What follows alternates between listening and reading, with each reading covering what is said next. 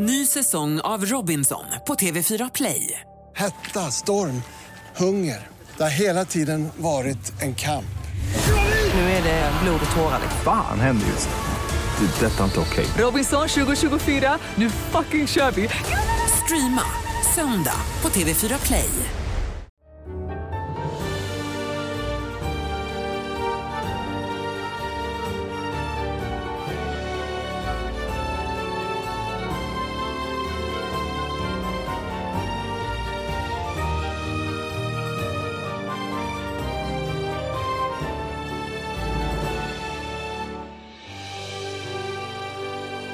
Då säger vi varmt välkomna till säsongspremiären av Big Six. En podcast om Premier League. Och i den sägningen så har ni ju faktiskt två nyheter. Det kommer ju bli så framöver att vi eh, jobbar eh, via ljud. Eh, det här har ju varit en stängd produktion borta hos Dobb-TV. Men nu släpper vi det fritt för alla att lyssna och då kommer det enbart att ske via podcast på alla fria plattformar. Och sen då så blir det lite mer av en renodlad Premier League-podcast det här. Det kommer fortsatt vara fokus på våra sex eh, jättar i ligan men det kommer även bli inslag av the rest för att inkludera alla lag vilket vi verkligen ser fram emot. Eh, det här är eh, som sagt säsongspremiären och vi kommer ju ha ett avsnitt även i nästa vecka. Men sen när ligan är igång, ja då växlar vi upp. Då kommer det bli två avsnitt i veckan. Ett avsnitt i början på veckan där vi tar ner omgången som har varit och sen så ett avsnitt mot slutet av veckan där vi snackar upp kommande omgång. Med mig i premiäravsnittet har jag två gäster här i studion. Sen ska vi även ringa upp eh, ytterligare en gäst eh, via länk också. Det är det som är fördelen när vi jobbar podcast. Att vi kan eh, ringa upp lite gäster som vi känner ska gästa vår podd. Och jag säger varmt välkommen till att börja då med min sidekick Fabian Jalkemo. Hur är läget? Jo men det är faktiskt fantastiskt. Eh, extremt motiverad för det här. Och, eh, det har varit en lång sommar eh, som det har varit ganska skönt efter två pandemi, pandemiår. Att man på något sätt har fått zona ut lite från fotbollen. Och sen så börjar man, man börjar kolla lite försäsongsmatcher. Man börjar sakta bygga upp den här förväntningen och nu, nu är det dags. Ja. Det känns realistiskt och det ska bli jävligt kul. Som United-supporter så är det här ju din tid på året där du mår som bäst. Eh, innan ligan har dragit igång. Jag vet att du har varit United-supporter länge och upplevt de fina åren också. Men för alla som har sett Big Six tidigare då, eh, så är det ju oftast en, en deppig Fabian Jalkemo som sitter i, i studion. Jag började podda 2014. Så Ja. det, det, det är sen 2014 folk har lärt känna mig. Så jag, är, jag hoppas ju att någon gång att folk ska få se mig glad. Men, tan- eh, du kanske borde sluta podda då? Ja, det kanske Så vänder det för- bort det. Nej men absolut. Alltså, så här, jag kommer ju verkligen ihåg det här från United var bra när man skrattade åt Liverpool. Att Mm. man liksom, inför säsongen så var man liksom här uppe och, eh, och började prata om att det här är vårt år, nästa Mm. år.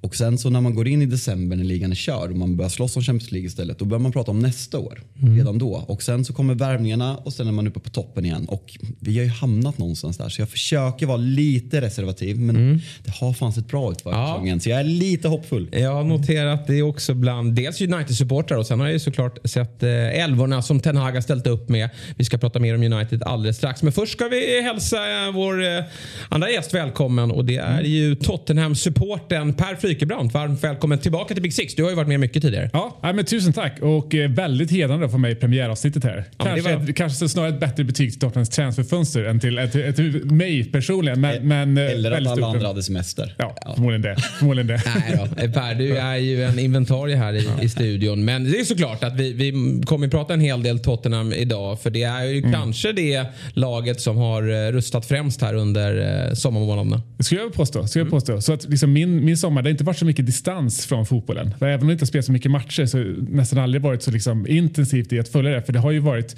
det är väldigt sällan man har varit med om att som, som supporter eh, att klubben är mer ambitiös på transfermarknaden än vad du var inför. Eh, så det, det har varit mycket att följa. Och Väldigt icke-spursigt framförallt. Ja, otroligt icke-spursigt. Ja, eh, Spurs går en spännande säsong eh, till mötes. Vi kommer även att ringa upp den ödmjuke Robin Bylund eh, alldeles strax. Han är, befinner sig i Thailand av alla ställen mitt i sommaren. Ja, jag tror att det är hans sjunde resa den här sommaren. Ja. Så det blir, det blir intressant att se. Ett molnigt Thailand vad jag har sett på bilderna. Så det är Ja. ändå lite skönt. Ja, men det är skönt Han har det lite dåligt där. Ja, eh, och Liverpool har ju gjort en lite halvknackig försäsong. Ja, ja. Det ska vi ta honom på pulsen på. Äntligen. Men, men först tänkte jag att vi pratar lite Premier League som helhet. Fokus idag kommer faktiskt att bli eh, Big Six-klubbarna. Vi ska Mm. gå igenom transferfönstret, eh, försäsongen och eh, prata lite rykten om vad som kan, kan komma in här nu innan fönstret stänger. Men jag vill först prata Premier League som helhet och, och nästa vecka kommer vi komma med lite tabelltips och annat. Men eh, vi börjar väl med liksom eh, vad vi tror lite kring eh, topplagen då. De senaste säsongerna så har det ju varit ett tvålagsrace får man säga. Det har stått väldigt mycket kring eh, Manchester City och Liverpool. Vissa säsonger mer jämna än andra. Känner vi att det kommer vara så säsongen 22-23 eller kan det bli ändring på det den här säsongen? Alltså min känsla på något sätt senaste säsongen i Premier League har blivit så konstigt för om jag pratar för mig som Manchester United-supporter och vi pratar om Per som Tottenham-supporter att man, man, man ser så här på något sätt att Ska lagen värva? Vad är målsättningen? Ska vi värva för att komma trea? Många pratar om att Arsenal har gjort ett bra fönster som har tagit in Sinchenko och Gabriel Jesus från Manchester City. Det är tillräckligt bra värvningar för att utmana om fjärdeplatsen men i min värld inte tillräckligt bra värvningar för att utmana om att vinna ligan. Och vart ska man sätta ambitionsnivån egentligen? Och i min värld är väl Tottenham den enda laget som skulle på något sätt kunna utmana Liverpool och City. Tack, mycket tack vare Conte. Att Conte får sätta sin prägel på laget, gjorde en fantastisk första halvår och eh, har fått in sina gubbar nu. Men eh, jag landar väl tråkigt nog någonstans att det kommer bli ett tvåma- tvåmannaраce för eh, framförallt City enligt mig världens bästa lag förra året även om de inte vann Champions League och får in Haaland som, ja, det, jag ser inte fram emot att se honom i City men fan vad jag ser fram emot att se honom i Premier League. Jag måste bara säga det. Ja.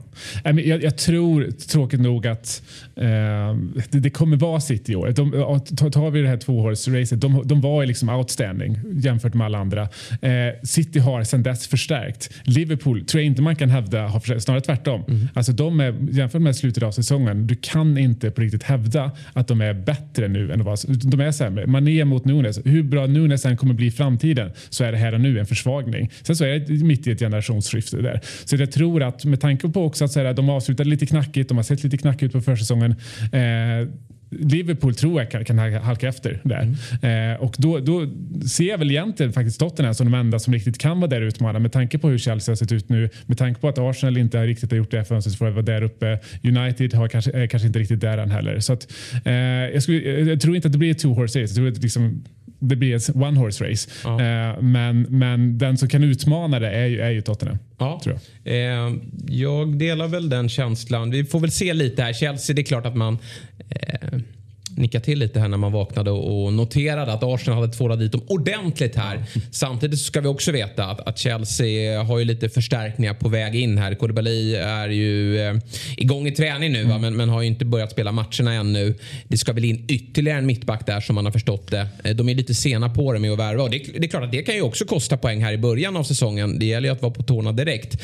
Men eh, jag tror att det är ett Chelsea som kommer att växa in i säsongen. Men jag har också lite samma känsla av att det, det är Spurs eh, med Conte som eh, såg väldigt bra ut i våras. Fick igång Harry Kane och eh, med de värvningar man har gjort så, så eh, måste man nog se dem som en utmanare. Till att börja med då, till Liverpool som ni säger. För City ser ju fortsatt vrålstarka ut. Ja, men det, det, det är de förväntningar man sätter på sig själv när man, spelar, när man gör den investeringen på 150 miljoner som, som liksom ledningen gör. När man gör de här värvningarna. Och det är klart att så här, eh, man är kanske inte riktigt helt klar på transfermarknaden än och det, är inte liksom tillräckligt med, med, med värvningar för att utmana ännu högre upp. Men alltså, man har satt rejäla liksom, förväntningar på sig själv nu. Förväntningar som Tottenham inte har haft på ja, i i modern tid. Ska jag säga. Champions League-platserna då? Kan vi eh, ha ytterligare någon utmanare där? Jag tittar på dig Fabian, för det är väl ändå dit ditt Manchester United ändå måste sikta? Det är klart det är så. Alltså det, man måste ju på något sätt respektera situationen. Vi har tappat många tongivande spelare på pappret som fortfarande är bra för laget att de försvinner. Men det är en ombyggnad och Erik Erik Ten Hag måste få tid att sätta sin prägel på det här laget. Och som känslan är nu tror jag faktiskt inte att vi kommer en chans på topp fyra. Men vi är i stort behov av att värva Frenkie de Jong. Och eh, det kommer vi ha tid att återkomma till Ja. i kommande avsnitt. För det känns som att det kommer dra ut på tiden. Och jag tror faktiskt att han kommer landa i Manchester United. Men jag tycker verkligen att den spelartypen med tanke på framförallt hur mycket Ten Hag vill ha den och hur långdraget det här är, att vi ger det tiden. Att han är vital för att vi ska ha en chans. Och eh, då är det topp fyra som gäller. Och det är samma för Arsenal, för Arsenal kommer inte vinna ligan. Och jag har svårt att se att Chelsea kommer vinna ligan. Jag har inte en mellanårskänsla på Chelsea. Vi kommer väl komma dit mer senare när vi går igenom Chelsea. Men det kommer bli jävligt tight och underifrån West Ham, alltså Moyes ett år till, mm. Porinska Macka. Alltså, är det en eh, Crotone eller vad har vi på Skamacka? Eller är det, en... det är en Bianchi. Det, är, ja. det, är, det, är, det kommer bli floppa. Ja, men det pratas ju väldigt mycket om den här Skamacka. Man ska ju säga, jag, jag ska ärligt talat säga att det är inte ofta jag, jag har sett honom spela. Mm, mm. Men han lovordas ju såklart av alla ja. som följer Serie A. Ja. Nej, men jag, jag, tycker att det här är en nivå upp ändå för, för mm. West Ham. Jag har heller inte sett jättemycket Skamacka med. Vi får, får sätta honom i landslaget eller liknande. Alltså det, det, är en nivå upp för dem. Och Sen så kollar man ju också på vad de kopplas ihop med. Det är Zielinski, det är mm. Kostic. Mm. Eh, sen så vet man inte, kommer det betyda att, att eh, United är så pass desperat, att, eller vad säger jag, Chelsea är så pass desperat att man går på, på Rice nu och köper loss dem. Att det är därför de får mycket cash att göra med nu. Eh, men men det, det, alltså det, är ju de enda som jag kan se mm. framåt kan, kan utmana topp 6 eh, i år. För jag ser Leicester och, eh, och Wolves eh, kommer ha mellanår, alltså den, den eh, ekonomiska problematiken som Leicester står inför nu. Jag tror att de har mycket större utmaningar att försöka utmana topp 6 snarare att hänga, hänga kvar i ett långsiktigt perspektiv. Ja. Men är inte känslan lite också att alltså, det har varit lite mellanår. Arsenal har byggt om Arteta. Vi har ja, Chelsea starka och kommer fortsätta vara starka men Spurs har liksom gasat med Conte. Mm. United kan inte bli sämre mm. under Erik Ten Hag. Mm. Och förra året så fanns det ändå en chans. Året innan det så fanns det en chans för att lagen har varit svagare. Nu känns det verkligen som att de här sämre lagen, om vi tar United och Arsenal som har varit lite sämre senaste ja. åren har liksom, det, är något på gång i lagen. Ja. Arteta har fått sätta sin prägel, Ten Hag kommer in, ser bra ut och det gör det svårare för lagen mm. utanför att kunna utmana. Så jag, jag tror att det verkligen, det kommer inte vara nära i år. Nej, det, det, är ju som ni säger West Ham och det, alltså får man behålla Bowen och Declan Rice, mm. vilket det väl verkar som att mm. det blir så för det är mm. för mycket pengar vi pratar om för att de ska kunna lämna West Ham som uh, blickar uppåt. De, de, uh, de vill ju verkligen slå sig in här bland uh, Europalagen. Ja, verkligen. Och, alltså, det de har tappat de senaste det är att de har, haft, de har haft en bra elva, de har haft sina höga toppar men det de har tappat har varit sin bredd. Ja. Alltså när man kommer in på vårkanten och de är långt kvar, de är, de är kvar i, i, i, i Europa, det, det är där de tappar. Kan de åtgärda det nu? Så absolut. Mm. Men de är också de enda. Alltså Leicester har ju, eh, jag som Tottenham Sportbar har, har tittat på Leicester de senaste åren och tänkt fan alltså att inte vi satsar sådär. Alltså de kommer gå om oss. Och så ser man nu att de har ju kört liksom Barcelona och La Liga-modellerna har liksom, deras lönebudget är 93 procent av deras totala omsättning. Eh, nu när de missar eh, Europa kan inte förlita sig på att göra en stor försäljning varje år. Eh, då kan de inte värva längre. Nu har de sju spelare vars kontrakt, eller tio spelare vars kontrakt går ut nästa år. Sju spelare till eh, året därefter. Alltså de är en väldigt prekär situation. Så de kommer inte utmana. Wolves är väl kvar i någon form av liksom Mendes ficka. Ja. Eh, jag, jag, ser ingen annan under. Det, alltså, så det verkar så. Big Six har befästs. Kanske Big, Big Seven har mm. befästs. Man tycker ju att det är synd att Brighton inte har en större plånbok att jobba med. De kom ju nia i fjol. Och liksom, ja, nu, nu sitter väl alla svenskar i, i någon form av potterbåt för att vi såg vad han gjorde här uppe. Men han har ju verkligen presterat väl med en, med en liten plånbok. Men, och, och även om det är många spelare som tar kliv under honom så är ju truppen inte tillräckligt bra för att man ska ta kliv från en nionde plats tror jag i alla fall. Nej, verkligen inte. Och Cucurella kommer förmodligen lämna City. Exakt. Och grejen är ju så här att kollar man, alltså XG man ska ta det för vad det är, men kollar man på XG-tabellerna så Brighton ligger ju väldigt högt upp hela tiden. Så att se vad han skulle kunna göra. Sen många pratar hela tiden, än, skulle han gå till Spurs, skulle han gå till mm. United? Man vill se något litet mellansteg först. Mm. För klubbarna har för mycket att förlora. Eh, för det, det, är ett vågat test, men eh, säg att Moyes försvinner. Ja. Mm. Eller är det Rodgers? Ja, men det, det är ett perfekt steg uppåt. Lite mer budget, lite större klubbar för alltså Graham Potter. Alltså så här, fine, det är lite Sverige-runk, absolut. Mm. Men man vill ändå se det för han har gjort fantastiska, mm. fantastiska grejer med, med, med få medel i Brighton. Mm. Ja, verkligen. Så, alltså, man gillar ändå den modellen de gjort. För nu har de, man, man går ju runt och funderar hela tiden. Varför tar de inte in den där nummer nio? Varför, varför slänger ni inte bara 30-40 miljoner pund på en sån? Men, eh, men de har ju en väldigt intressant modell nu. Vi har en samarbetsklubb i Belgien. Va? De har liksom utlånade spelare som har öst in mål där här, väldigt romantisk modell ändå. Så jag gillar ändå att de inte går och gör de här. Nej, liksom, absolut. Nej. Sen så tycker jag det är väldigt fint att se hur de står upp nu. Verkar som med Cucurella till City att verkligen begära en stor summa. Mm. Eh, att liksom, för första gången har City liksom någon form av liksom litet, litet hinder på, på, på silvermarknaden. Men vi vet att det kommer bli av. Det kommer till bli av. slut. Det kommer bli av. Alltså, Absolut. De, När- när de spränger ju bank, banken på vänsterbacken, det gör de ju alltid. Ja, men verkligen. Eh, botten då? Vi har ju tre nykomlingar. Eh, Mm. Två har- känner vi igen. Eh, Fulham har ju åkt jojo genom systemet. Eh, får vi se om de fortsätter vara ett Norwich eller om de kan etablera sig. Vi har ju Bournemouth som är tillbaka. Mm. Inte med eh, Wilson och Fraser utan de spelar ju i en annan klubb. Men, Känns eh, konstigt att de, inte är där. Nej, verkligen. Det hade varit så fint. King kan de väl i alla fall ta tillbaka. Ja, eh, han gick väl i och för sig Han gick till... till något lag nu. Ja, Jag eh, tror att det var i Turkiet va? Ja. Eh. Tänker man att United var nära på att splasha 20 miljoner pund och ta honom med Solskjaer var tränare. Och Ja, bara, det är så. Fan, Ja. fan det som sker. Ja, den, är, den, den hade varit sjuk. Men, Scott eh, Parker tillbaka i Premier League. Scott Parker tillbaka i Ja, Premier League. så- Mitrovic är tillbaka i Ja, Premier League. Tillsammans med David Beckham och Jack Grealish, eh, Englands snyggaste kille. Ja. Scott Parker. Ja, men det får man säga. Absolut, Jag trodde du skulle absolut. säga någon annan där. Men, ja, han- Det är olika liksom. Spurs-forum. Alltså, han är alltid mitt, liksom, eh, eh, mitt nickname. Mm. Parker. Eh, nej, men han, det ska bli kul. Eh, Känn, är det Fulham som är den mest spännande nykomlingen? De, de vann ju eh, Championship i fjol. Men det är väl ändå Nottingham Forest som har rustat främst här under eh, sommaren. Men det är kul, alltså, alltså Fulham framförallt, de har ju verkligen varit ett Watford-lag som åkt jojo. De går upp, de försöker spela sitt spel, de förstärker inte jättemycket. Överlägsna i Championship precis som förra året och det håller inte Premier League. Men eh, Nottingham ser vi framförallt fram emot med att, att se för de här andra lagen har vi vant oss med. Bournemouth har varit i Premier League länge, Fulham har varit i Premier League länge, varit uppe flera gånger men så länge jag kommer ihåg, så länge jag har varit vuxen så Nottingham kommer man inte ihåg i Premier League Nej. på samma sätt. Och eh, Dean Henderson och Jesse Lingard från Manchester United två fantastiska, eh, fantastiska nyförvärv. Så Mm. det här ser man ju fram emot att se. De är verkligen, verkligen öppna plånboken. Och de har ju den här Avoni från eh, Union Berlin som gjorde, ja, liksom, har presterat i en, i en eh, toppliga i Bundesliga. Gjorde väl 15 kassar eller något i fjol.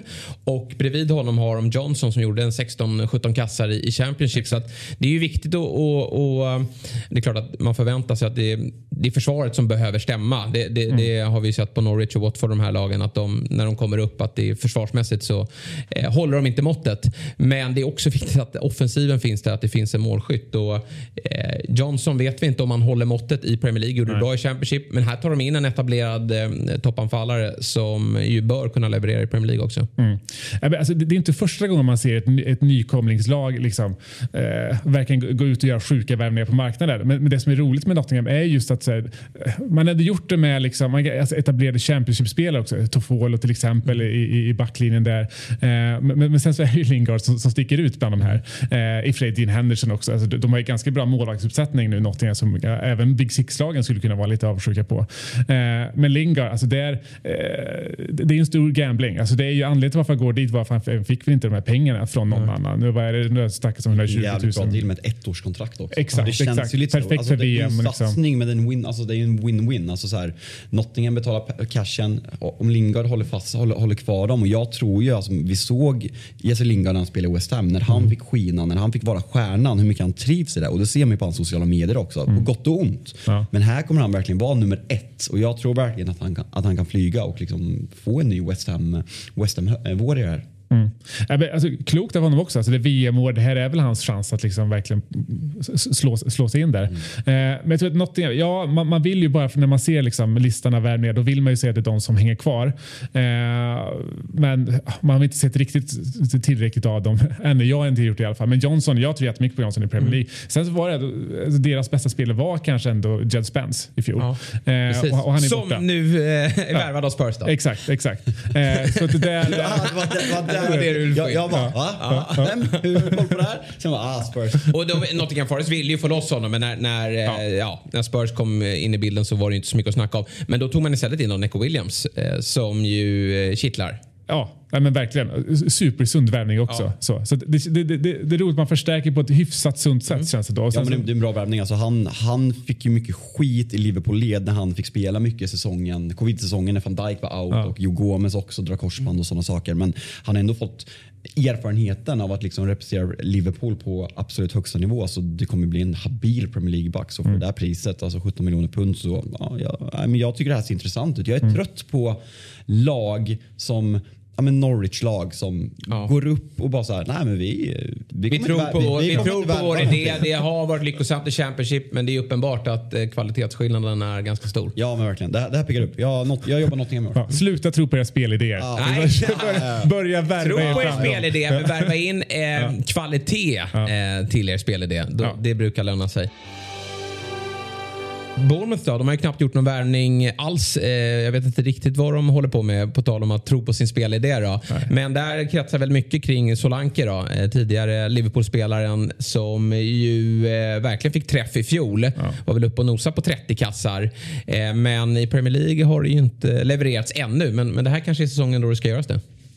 Ja, ja, men verkligen. Och sen så har vi ju Ryan Fredericks där också. Eh, gam, gammal Spurs högerback. Ja. Nu, så nu ger vi li- lite högerbackar till nykomlingarna här också. Eh, men eh, nej, då, då, alltså de känns ju ganska... Är, är de ska tippa på liksom, eh, de två sista platserna så är ju Bournemouth såklart där. Ja. Eh, det, det, det, det, är väldigt konstigt hur lite de har förstärkt egentligen. För det är ju eh, det är inga summor har lagt ut heller liksom, på de här värvningarna. Så det är ju, eh, nej, jag skulle bli förvånad om de, om de hänger Ja, kvar. det det är några gamla favoriter som finns kvar ändå. Vi Mm. sa att Fraser och Wilson har lämnat, men vi har ju David Brooks eh, som ja. yttermittfältaren som ju var bra förra vändan. Fick Mm. ju lite av ett genombrott i Premier League.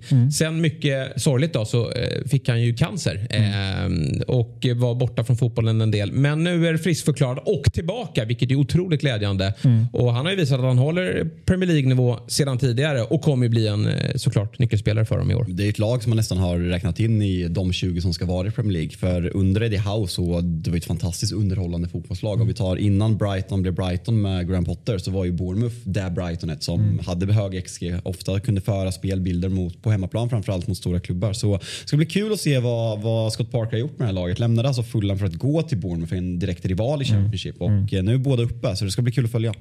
Ja, men det är deras starkaste coach tycker jag, Scott Parker. Eh, det är ju, var, var ju nästan på vägen då att lyckas eh, på något sätt få, få Fulham att hänga kvar när, när han kom in där. Gjorde det bra sen också i Championship. Så att jag eh, hyser starka känslor.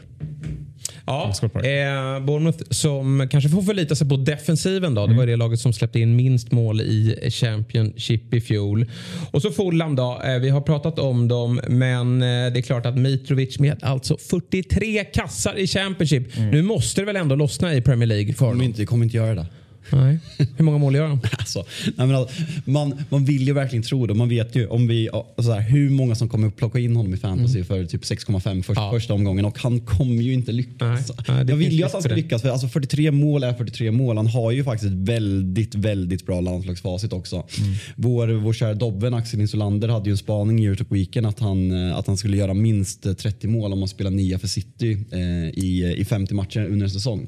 Ja. Och, eh, han är ju en spelare som är bra i ett spelförande lag. Men nu när han kommer in i ett tillbakabackande nykomling så eh, det blir kul att se. Men vad är vi? Fjärde gången gillt eller? Ja, det är väl eh, något sånt. Men, eh, och, och sen kan det bli att när han inte gör de här att han blir frustrerad och, och drar på sig varningar och till slut sitter han på den där bänken. Men annars har ju de gjort en, en värvning som sticker ut från ditt lag eh, eh, Fabbe. Det är ju eh, Andreas Pereira från Manchester United som ju eh, fick en del speltid under olika tränare hos er men som inte riktigt är eh, Big Six-material va? Nej, verkligen inte. Det är ju försäsongsmästaren. Alltid jättebra på försäsongen så att man får upp eh, förho- förhoppningar. Och eh, duktig på att göra fina mål. Bra fot. Men det har ju verkligen känts så här, Man tror inte att det är sant att han fortfarande, när han kommer tillbaka varje försäsong, aha, tillhör han fortfarande United?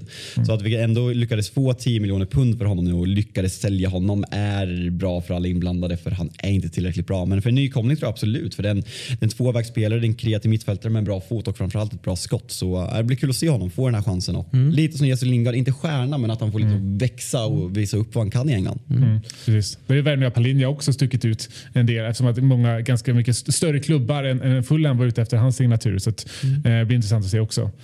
Ja, får se om, om Fulham kan etablera sig med, det, med de värvningar man har gjort. Vilka lag behöver nykomlingarna ha bakom sig då? Vilka tror ni kommer att eh, tappa i år? Alltså det känns ju... Eh, Everton kommer nog vara kvar. Den är, det, det finns ju ingenting som tyder på att de kommer vara bättre i år. Tappade Charlison, har inte kunnat förstärka. De har ju också de här ekonomiska problemen. Inte för att de inte har pengar, men på grund av liksom financial fair play. De var ju tvungna att sälja Richarlison mm. innan 30 juni, vilket gav ett fantastiskt förhandlingsläge för, för Tottenham. Ja. Eh, jag, jag, tror att Lampard är den första tränaren som ryker eh, i år. Det är väl ingen hö högoddsare. Man undrar ju vad, precis vad han har för kravbild på sig eh, från ledningen här nu. För det är, när man tittar på truppen och med tanke på de problem man hade i fjol mm. Så är det ju typ att bara hålla sig över strecket ja. som man, man förväntar sig. Men jag, jag känner någonstans att Evertons ledning eh, tycker och tror att Lampard ska få ut mer av den här truppen. Ja, de, de, alltså, det är inte en så, de har ingen riktigt verklighetsuppfattning, den mm. ledningen verkar, verkar ju kännas som. Så jag tror att de också har den typen av, av förväntningar. Eh, sen så övriga lag, ja, Leeds som tappar Leeds liksom, Rafinha, eh, Phillips. Det är klart att de ska vara där nere också. Sen tycker jag att de har gjort lite intressanta värvningar med de, med de pengarna. Eh, lite ungt och spännande. Sen är det kanske, det är kanske lite för ungt och spännande för dem. Så det, det, är väl, det är väl Leeds och och, och Everton för min del. Alltså man brukar alltid blanda in Southampton i den där, men det ja. känns som att man gör det varje år och liksom Hassenhüttel ändå får ut de har, alltså, tillräckligt de har mycket. Ju, de har ju alltid sin streak när de liksom ja. vinner ja, men typ 8 av 10 matcher och sen slutar de spela på hösten och sen kommer de nära men det mm. var aldrig riktigt nära. Men alltså, jag tror att Evertons problem är i mångt och mycket att de, som Newcastle när de åkte ut, de identifierar sig som en stor klubb som ska mm. utmana topp 6 och de är inte mentalt redo som klubb att blanda sig i det där. Mm. Och jag tycker man såg senast att de hade väl lite karaktär i Charlison framför allt kanske mm. som var ansiktet utåt för, för att de klarar sig kvar. Men det är dåliga, dåliga karaktärer och hela klubben och hela staden är inte redo för nedspel utbrytningsstrid. Så jag tror mm. att det kan, eh, det kan bita dem i röven rejält. Alltså. Mm. Newcastle då? Vi kanske borde ha pratat om dem. Vi ska absolut inte prata om dem eh, som ett bottenlag, mm. tänker jag. Utan mm. snarare att vi kanske ska ha dem som ett utmanarlag. Eller är det ett år för tidigt? Ja, jag tror nog det. Jag tror nog det. Eh, sen är det klart att alltså, fönstret är inte, inte, eh, det, det, är inte det känns som att men, det men... kommer väl komma någon form av håll käften-värvning från dem. Tror ni inte det? Jo, alltså, på något sätt tror jag det. Och det är det som är känslan lite med den här försäsongen. Att många sitter så här, men Chelsea, vad, vad är Chelsea? Det är kris för att man inte har värvat för att många av de stora lagen, Liverpool är klara, typ. Alltså så här, de får in Nunez som säljer mm. man ner tidigt. Eh, City har tagit Alvarez och Haaland jättetidigt och liksom mm. presenterat även Calvin Phillips att de är klara för försäsongen. Så när United exempelvis och Newcastle och Chelsea inte har värvat klart så mm. känner man så här, men det är lite kris, vad händer? Det är en månad kvar av transferfönstret, man glömmer lätt bort mm. det. Man har typ vant sig med att klubbarna är så välskötta och så välscoutade att de är klart med det här väldigt tidigt. Men det är väldigt många klubbar som inte är klara. Och, Sen var det ju en, en ehm, en period, det var väl två säsonger där transferfönstret stängde i samband med premiären. Men det mm. ändrade man ju på ganska snabbt med tanke på att andra ligor då kunde köpa spelare och så kunde inte Premier League-klubbarna täcka upp. Alltså, jag gillar idén i grunden, men ja. då måste ju alla haka på. Så att Premier League skulle gå back på det där och liksom kunna man kunde du fick panik och liksom trans, transferfönstret gick ut och sen fick du ett bud som du inte kunde neka. Hopp, ska vi mm. ersätta det Nej, får vänta ja. ett halvår. Ja. Alltså, det, var ju, det var dåligt för engelsk fotboll. Ja, det var kaos. Det var kaos. Mm. Eh, sen så i den här bottenstriden, jag tror väl också nu att säga, Brentford, eh, ja, ingen, ingen Eriksen längre. Eh, det blir Ben Mi och Pontus Jansson i, i mittbackslåset. Mm. Eh, hur kommer det på skallen. Ja, ja, absolut. absolut. Eh, men det är alltså, så bra som de var under, under Eriksen var ju på grund av Eriksen. Mm. Eh, de, de, har i och för sig ett intressant lag ändå. Jag ska inte förringa allt för mycket, men, men det är väl de man känner också ska blandas in där nere. Jag ser Brentford åker ut. Mm. Mm. mm. Det, det jag tänkte att vi ska ringa upp Pontus Jansson här, inte idag men, men i något program här framöver får vi se vad han säger om det mm. uttalandet mm. från dig Fabian. Men han höll ju, ja, som vi alla såg, Christian Eriksson väldigt högt. Mm. Det var ju en succévår han gjorde och nu befinner han sig i Manchester United. Men eh, jag tycker vi eh, lämnar eh, de övriga lagen eh, för nu. Eh, vi kommer ju eh, som sagt återkomma till dem flera gånger i vår nya eh, vårt nya segment då, The Rest. Men nu ska vi fokusera på de sex jättarna och vi börjar väl eh, med att eh, titta på Liverpool. Mm. Och eh, med det sagt så ska vi ringa upp eh, Robin Bylund tänkte jag. Då säger vi varmt välkommen tillbaka till Big Six till sektens ledare och Sveriges mest bereste man Robin Bylund. Hur är läget? Det är väldigt, väldigt bra tycker jag. Det, är, eh, det njuts av, eh, som du säger, av eh, sommar och, och lite semester fortsatt. Men, men också en situation där man faktiskt ska börja växla upp snart. Det är ju allvar väldigt snart för Liverpools del fotbollsmässigt också. Så det är, men det är den bästa känslan, ja, men det är väl typ årets bästa känsla, när man börjar närma sig säsongen utan att riktigt veta vad som kommer att hända. Ja, med lite Tid för reflektion då efter att säsongen 21-22 avslutades. Hur ser du på Liverpools eh, fjolårssäsong?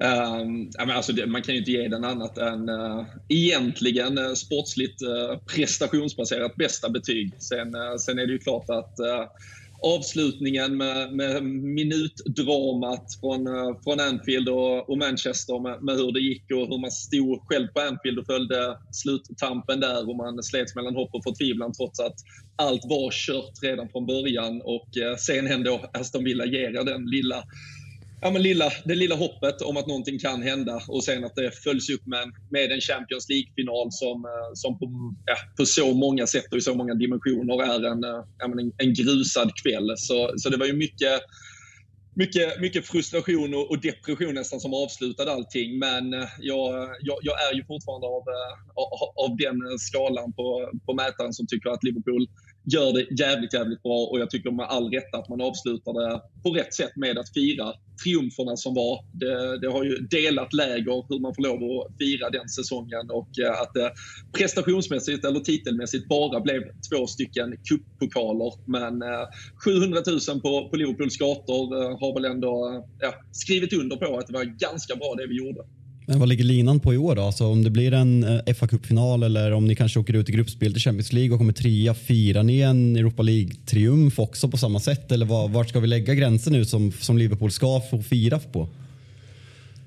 Ja, men det hoppas jag. Så er gamla tränare José Mourinho hade väl tatuerat in Europa League-pokalen nu. Det är många, många, stora, många, många stora triumfer som tas. Man, man väljer väl själv vad man vill eh, fira, tänker jag. Men mm. Nej, alltså detta året tror jag, om man ska, vi kommer väl prata lite, lite truppbredd och vad man eh, kan förvänta och satsa på. och sådär. Känslan är att gå för att vinna både ligacup och FA-cup, det kan du inte om du typ inte är Manchester City, göra varje säsong. Du har oftast inte trupp nog till det. Så jag tror Liverpool har väldigt mycket mer eh, en accepterad inställning till att det kan bli tidigare uttåg i kupperna och så är det ännu mer fokus, om man nu kan ha det. Men att, att liga och eh, Champions League har, eh, har ett extra ytterligare fokus. Mm, vi har ju redan hunnit prata lite Liverpool här i programmet och, och mina herrar som gästar, de, de, är inne på kanske, vi har ju, tidigare säsonger, de fem senaste, har det varit mycket av ett tvålagsrace. Det har stått mellan Manchester City och, och, och Liverpool. Vissa säsonger mer jämna än andra. Eh, tror du på fortsatt tvålagsrace? Eller kommer det bjudas in ytterligare något lag? Eller är det som så att ett lag är, är överlägset och sticker själv? Uh, nej, jag tror, eh, jag tror fortsatt... Eh, jag tror City och Liverpool uh, båda två går över 90 poäng och jag tror inte att något annat lag går över 80 poäng. Så vi kommer att ha minst 10 poäng som skiljer från den som blir två av Liverpool och City till den som blir trea. Det, det tycker jag fortfarande är ingångsvärdena till den, eh, den här säsongen. Um, både United, uh, Arsenal, uh, Tottenham kan säga, alltså det, de kommer vara bättre men det kommer också betyda att de tar mer poäng av varandra. Um, min, min förhoppning är ju att, för tittar vi på Liverpools uh, förra säsong så, så kryssar vi båda gångerna mot Tottenham, vi kryssar båda gångerna mot Chelsea. Till min förhoppning är ju att om nu lagen bakom oss så att säga, stärks lite så är förhoppningen att de kanske till och med kan rå på City någon gång här och där. Vilket man typ aldrig har gjort de senaste åren. Och, eh, här sitter här och skakar på huvudet åt vad du säger nu. Sex, sex poäng mot City i fjol. Ja. men, men eh, om, vi, om vi tittar då till, till Liverpools truppbygge då. Det har ju hänt en del i laget. Eh, och, och, jag såg en tweet från det här i morse också. Att det verkar kunna hända ytterligare mer då, med tanke på att trotjänaren då, Bobby Firmino verkar vara på väg bort till Juventus. Ja, alltså det var lite läskiga nyheter. Nu har man ju blivit, eh, man har ju tyvärr blivit eh, alltså helt, eh, helt lyttrad kring att några former av ja, journalister nära klubben ska ha någon koll. Men när det då kommer från italienskt håll nu att Juventus eventuellt närmar sig en övergång för Firmino så, så känns det såklart jävligt tufft att ta in. För även om Darwin Nunes har kommit in och kanske då kan ses som hans ersättare, Luis Diaz kommer redan i januari och kan väl ses som Sadio Manes ersättare lite mer, så är det ju plötsligt eventuellt en situation där två tredjedelar av den här fronttrion som egentligen har byggt och ja, men, varit fundamentet för Klopps era i, i Liverpool kanske då byts ut och förändras Sen handlar det ju kanske snarare mer om ett, alltså, en kulturbärarroll för Roberto Firmino nu. Men det handlar också lite om det jag är inne på att du kommer kanske inte ha en trupp som orkar slåss på alla fronter. Men samtidigt när det väl har brunnit till och kommit till krita så hade Roberto Firmino antagligen ändå inte startat de absolut viktigaste matcherna. Men eh, sen är det också en situation med fem byten i Premier League denna säsongen kontra tre innan. Klopp är ju lyrisk över det. Är då tanken att det är spelare som Fabio Carvalho, eh, Harvey Elliott till exempel, som eh, ska få mer speltid eller hur han resonerar. Men eh, det som folket, det som sekten skriker efter är väl snarare att oavsett var det lämnas så är det väl snarare att en mittfältare kanske borde hämtas in. Och där är ju den här situationen med Jude Bellingham och den, den omöjliga affären den här sommaren och uh, hur, det, hur man ska se på det. Bör man gå på något annat då eller kan man sitta och vänta?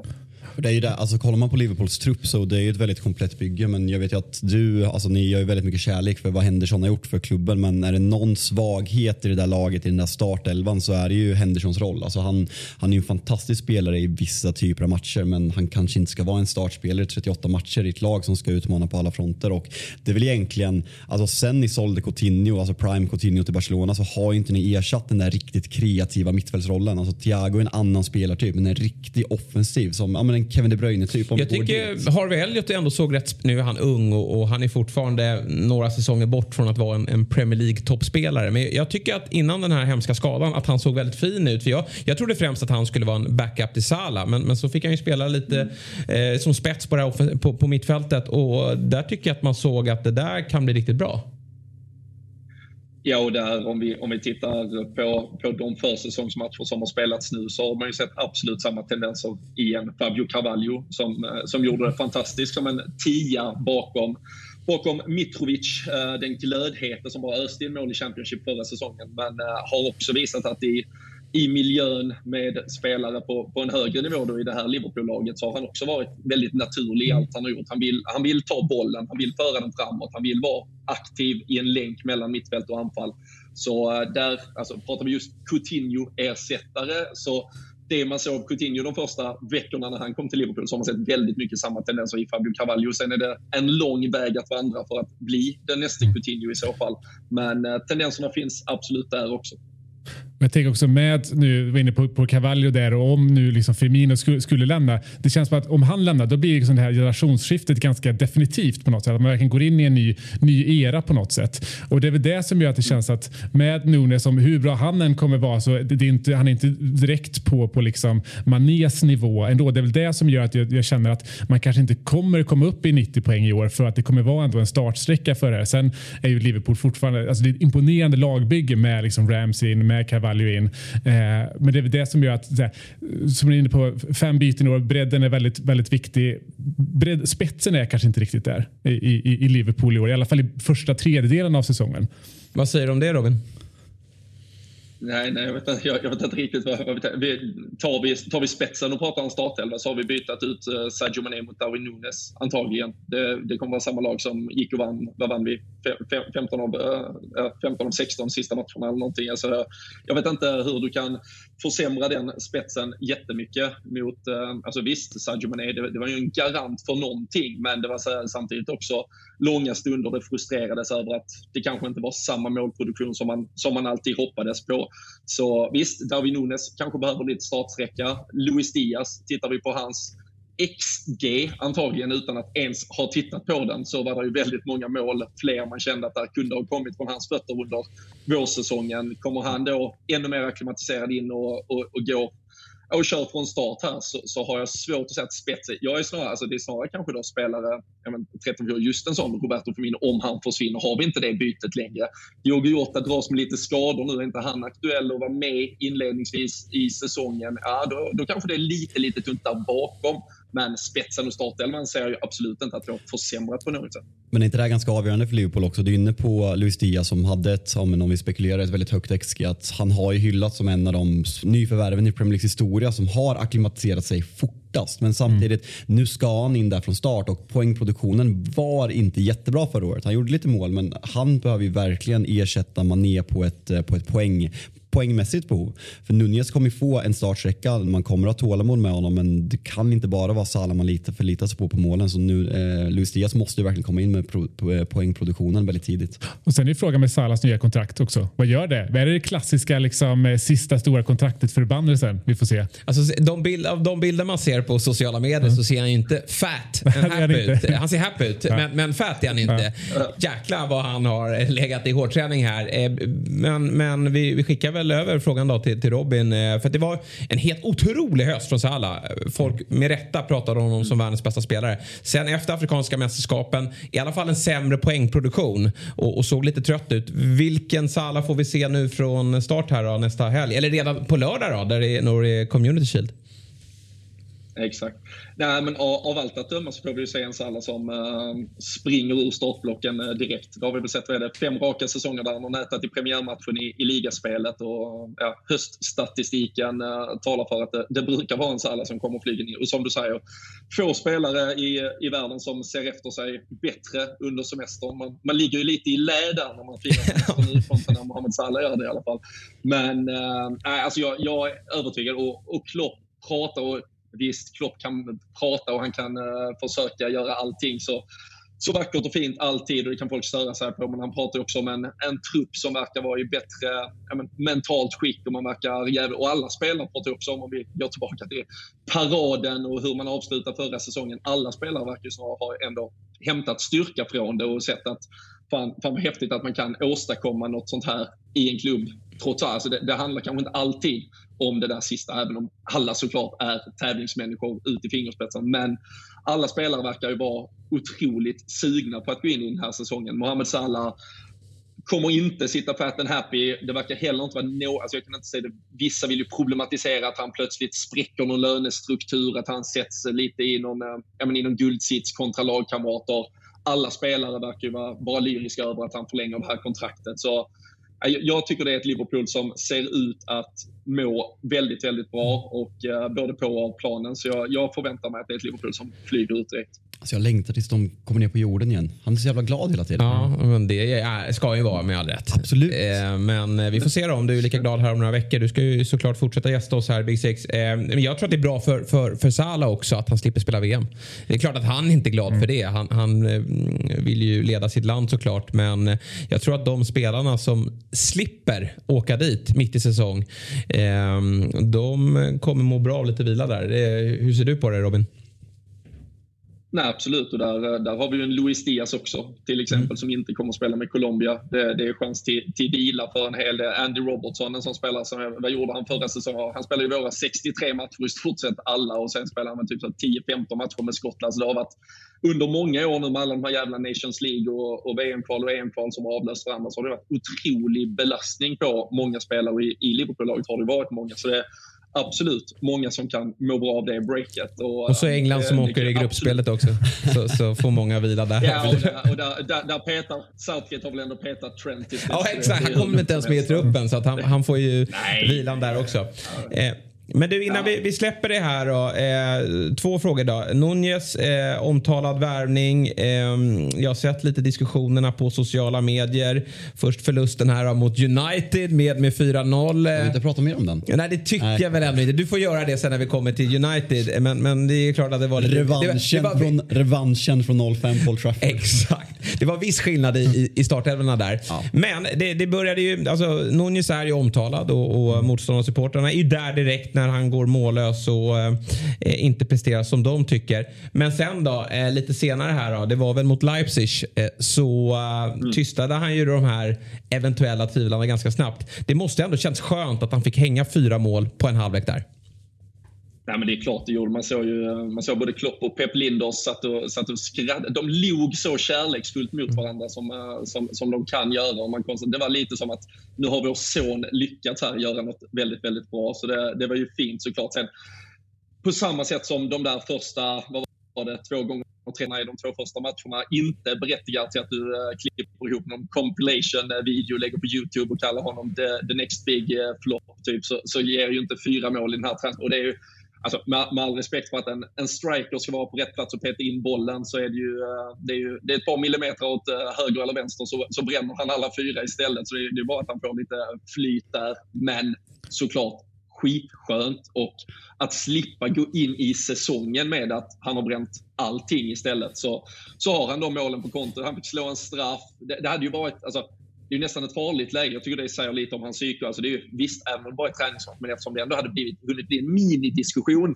och sen då välja att ta straffen mm. och bränner han den straffen istället så sitter han ju liksom i, i total skit och då, då ska ju alla förnedra honom istället. Och alla fans, jag förstår ju Arsenal-fansen, de har sin Nicola Pepe, United hade Pogba, Chelsea och Lukaku. Alla hoppas ju på att Liverpool ska lägga riktigt stora pengar på en spelare som det skiter sig för.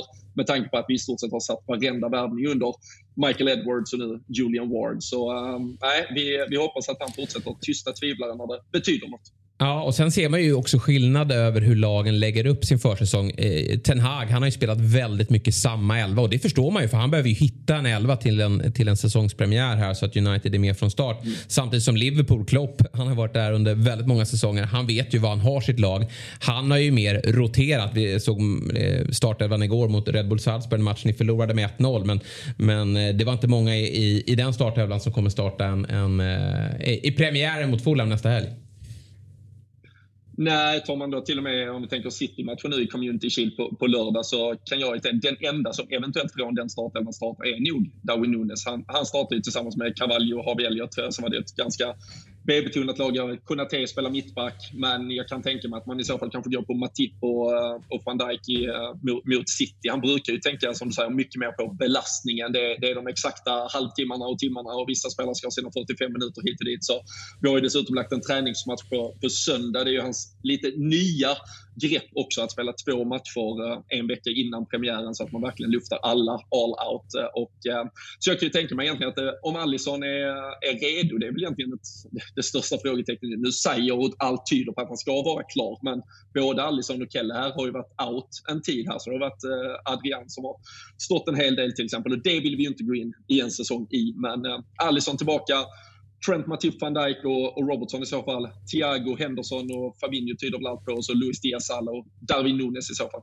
Mm, spännande. Community Shield alltså på lördag 18.00. En titel ingen bryr sig om. Men, jag, men det är en match man bryr sig om den här det, gången. Blir det parad i frågan? Ja, det kanske blir en parad där på söndag. Vi seger. Men jag tänker så här. Håller du med mig där Robin? Att mm, titeln är ju helt ointressant. Eh, eh, vem som lyfter pokalen. Men det är ändå någonstans intressant att se när det är just City mot Liverpool. Var mm. lagen står efter en försäsong.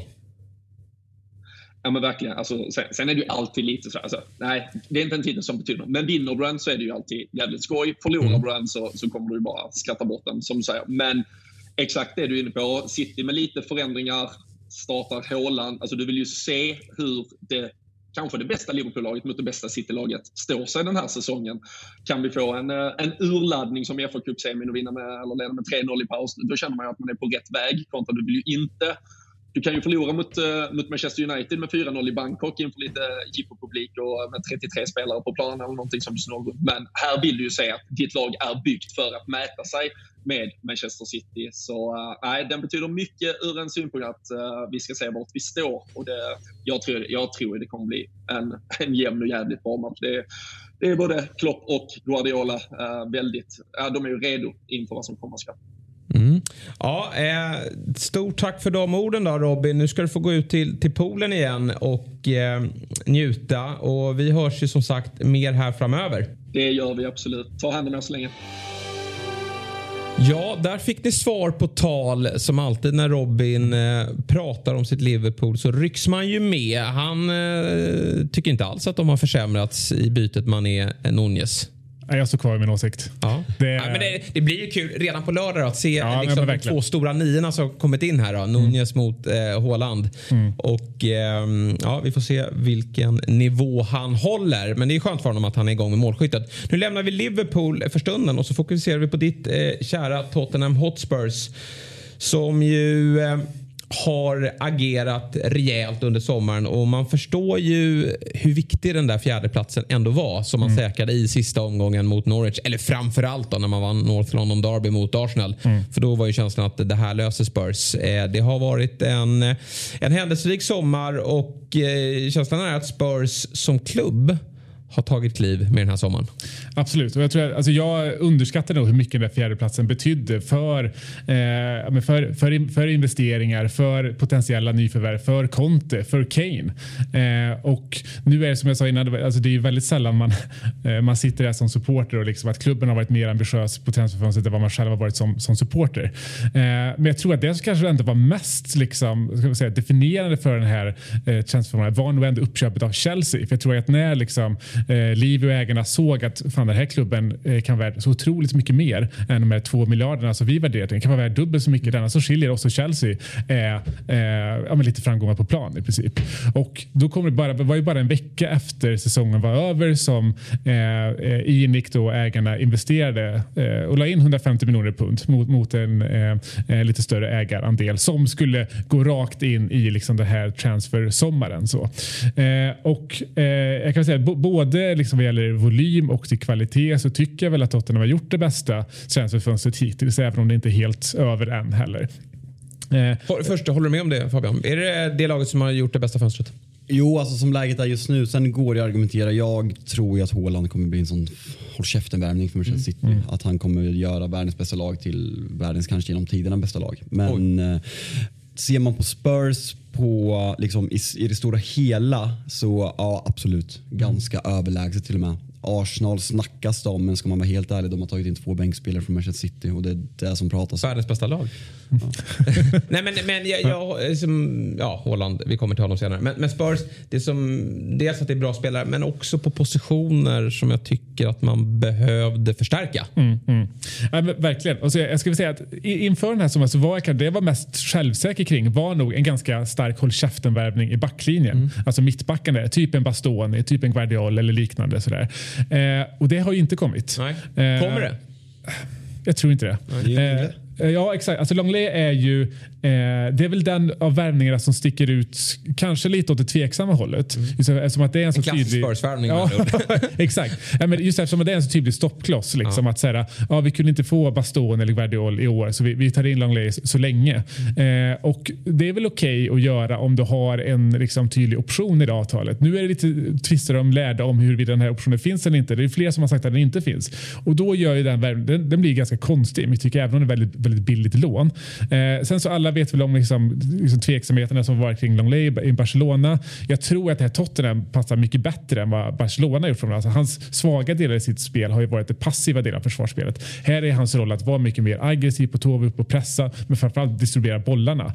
Eh, och det, det, det, är det som är hans, även det har han gjort bra i Barcelona och det har man ändå kunnat se lite på försäsongen att det är det han bidrar med. Men det är en stor skillnad också alltså, att spela i en fyrbackslinje, mittback i en fyrbackslinje i Barcelona som Absolut. pressar högst i världen och du ska täcka ytor bakom. Nu mm. kommer han in till en ganska försvarad femback under Antonio Conte och Bissoma som jag eh, inte förstår varför inte andra klubbar har gått mm. på tror jag kommer vara helt fantastiskt. Jag vet att du har varit kritisk till Höjbjerg. Alltså, mm. En bra spelare men ska han starta ett lag som vill utmana de riktigt stora titlarna? Nej, det är han inte. Där får man ju in en fantastisk spelare nu. Så en fråga Bredvid bara... Som vi tycker såg bra ut här under ja. våren. Ja men verkligen och han behöver ju en städgumma bredvid ja. sig. En Fabinho, en Rodri mm. om vi får ta Liverpool och City-referenserna. Men alltså, den, den enda lilla, lilla frågeställningen jag har kring Tottenhams transferfönster är Richarlison. Vart mm. jag, jag håller honom väldigt högt som fotbollsspelare men jag har svårt att se honom i en, i en trio med Kane och Son och vad gör det med Dejan för om vi får ta svenskintresset om jag får ta Jespers roll och värna om våra svenskar. Ja. Eh, nej, men det, det, är väl där jag har mm. lite frågetecken för jag, eh, det är väldigt mycket pengar och jag är lite försiktigt skeptisk. Ja, alltså eh, jag har sett många som frågar sig hur får man in Richarlison tillsammans med, med, med, med Kane och Son. Jag tror att alltså svaret är att han inte ska in tillsammans med Kane och Son. Alltså, nu i termer av liksom vad som är startelva inte är ganska ointressant den här säsongen med CL, med fem byten, med VM. Eh, som vi var inne på förut, det handlar om, om, om bredden i truppen och jag tror man såg väldigt tydligt på i den här försäsongen att Tottenham utan Dejan är sämre. Mm. Eh, Richarlison eh, går in nu under försäsongen han spelar på Kanes position precis på samma sätt som Kane gör. Även om han är sämre. Man är långt ner i banan, liksom, är, är nere på mitten. Han, han, han gör det bra i, i, i, i, i Sons position. Han kommer inte vara han kommer inte eh, konkurrera med Dejan om vi säger så. Och sen så tror jag att eh, vad gäller håll käften-värvningar så är Richarlison kanske på den högsta hyllan av håll käften-värvningar som, som Tottenham kan, kan ta ifrån. Och ska du ha någon som kan rotera med Kane och Son eh, så behöver du någon som kan spela på båda positionerna. Eh, du behöver någon som är tillräckligt bra för att en, en Kane ska kunna ändå känna att det är okej okay att bli utbytt eller petad eh, eller roterad mm. med. Så att vi har haft, tidigare har vi haft liksom, eh, men Carlos Vinicius till exempel som är så här, två meter lång. Ja, och liksom den typen av spelare som ersätter till Kane. Alltså. Nej, men det, det, det, är ju en så speciell situation också tycker jag för Tottenham med tanke på att ni har Son och Kane. Alltså två spelare som skulle ju kunna spela i, i City ja. om man hade tyckt att det där är världens bästa anfall. Mm. Alltså det, det, är ju en sån fruktansvärt bra duo och då för en klubb som släpar mot toppen mm. då blir det en lite speciell situation när man ska titta på en, en anfallare som ska vara med och, och, och, konkurrera. Det är ju lite som du säger Per att det behöver ju vara någon som håller nivån. Mm. får inte vara soldado men det måste ju också vara någon som kan acceptera att, att man sitter lite bänk och där tycker jag att man har träffat med Richarlison väl. Och sen tycker jag också att det behövs få in ett liten, en, en gris. Alltså någon som är eh, lite, mm. lite liksom armbågar och, och, och, lite djävulskap. Och det mm. tycker jag att man får här. Han, han är ju eh, stundtals ett svin på plan. Ja, men, exakt. men nu börjar vi få det här Tottenham som Mourinho pratar om att vi vill ha med intelligent cunts. Alltså det är det vi börjar få nu med Romero, med Richarlison. det är som att vi har gått runt till varje lag och bara plockat den liksom, ja. rövigaste spelaren i princip. Det, mm. det, det, är det jag gillar. Det är det som är, det är, det som är Conte på något sätt. Så. Eh, sen så tror jag väl också att så här, eh, sett över en vecka kommer Richarlison spela 90 minuter fotboll. Mm. Eh, alltså, det kommer han göra med, med Champions League. Sen så kommer också kunna rotera förhoppningsvis i en 3-5-2 och där är det mycket bättre att ha en Richarlison än att ha in en till exempel Lucas Moore eller en, en Bergwijn. Sådär. Eh, så jag tror att man måste lägga de här pengarna för att ha en ersättare till, eh, till, till Son och Kane. Och sen så är det ju, det är liksom, jag menar, Kane, eller Son nu, 30 år, eh, Kane eh, på väg dit. Richarlison bara 25 år. Eh, det är också lite successionsplanering. Mm. Eh, sen så tror jag, jag tror att Richarlison har en, en, högre nivå än den han har visat hittills. Han har ju spelat i ett ganska dåligt lag. Gjort, har inte jättebra siffror, men helt okej. Okay. Sen så kollar du på honom i, i, i Brasiliens landslag mm. där nu är startnian framför Jesus till exempel. Där snittar han på en, en goal contribution var, var 90 minut. Liksom. Mm. Så jag tror att han kan ta ett steg till i Tottenham. Det är det som är intressant. Alltså så här, för att börja med, jag måste nog vara lite skeptisk att du säger att han kanske kommer vara en rotationsspelare. Det är väl är Tottenhams dyraste värvning genom tiderna. Topp tre i alla fall. Eh, att man värvar en spelare för 60 miljoner pund som inte förväntas starta de stora matcherna. Det tycker jag på något sätt jättekonstigt. Eh, sen ska det sägas, alltså, om vi tar Richarlison där, där du pratar om hur, hur han har varit i Everton. Jag tycker det är intressant när man får se de här spelarna som har varit i klubbarna som är precis under.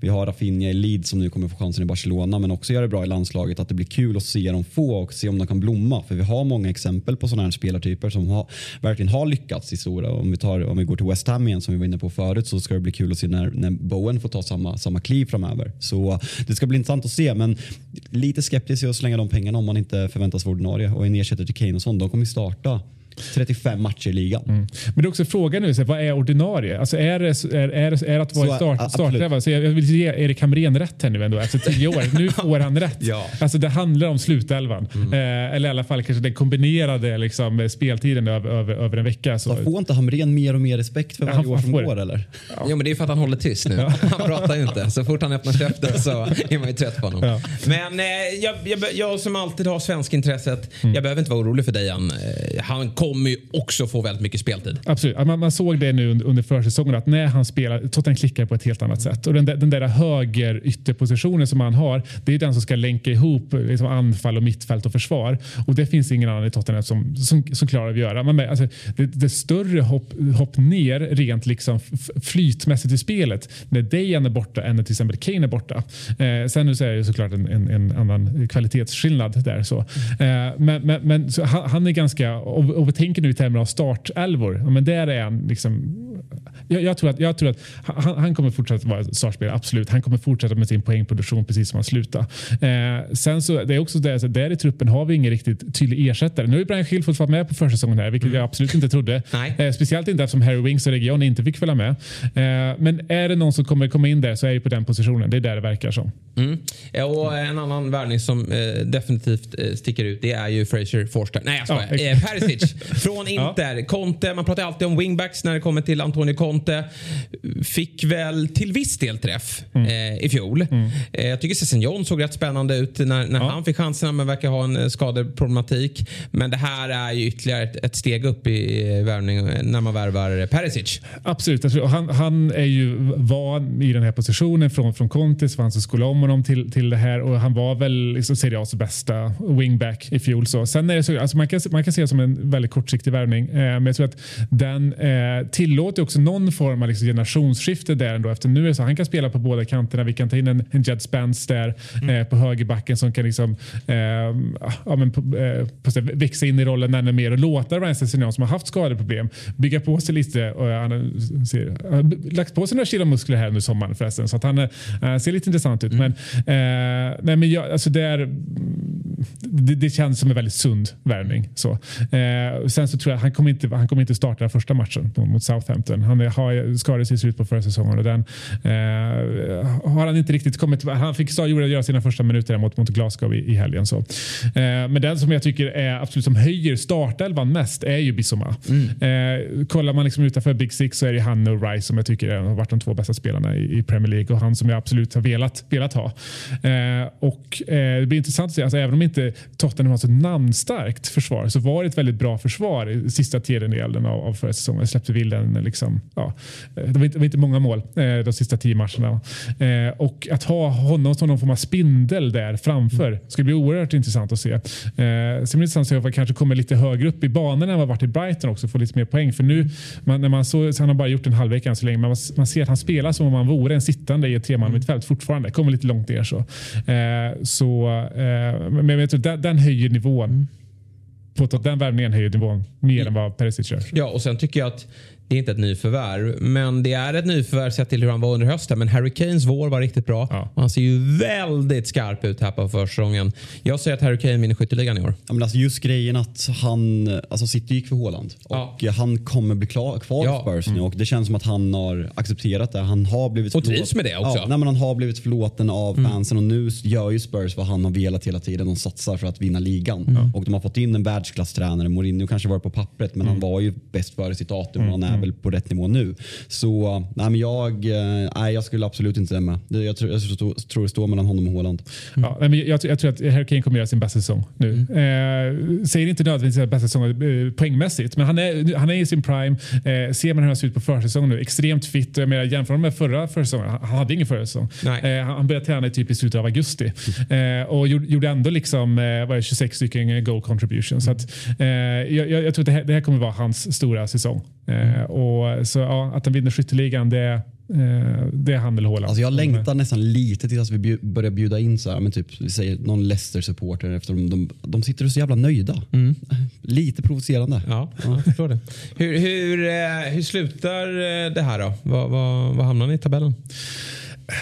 Alltså det, det, är ganska givet att vi i alla fall ta, ska sikta på att ta ett kliv till och med tanke på hur, hur, hur Chelsea har sett ut så känns inte det speciellt omöjligt. Eh, sen är det då, men kan man utmana ännu högre upp? Jag, jag är nog inte redo att sticka ut hakan riktigt så, så mycket än. Eh, men det, det, är absolut de förväntningarna man sätter på sig själv ändå eh, med den här typen av värvning. Och som sagt var, jag tror inte man är klar än. Eh, kommer kanske bli en så här halvhåll värvning till eh, på liksom offensiva positionerna.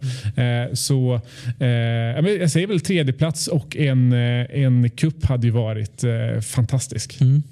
Eh, blir det parad? Ja, det blir det. Det, och det, är ju, det, det, det hade varit verkligen... Ja.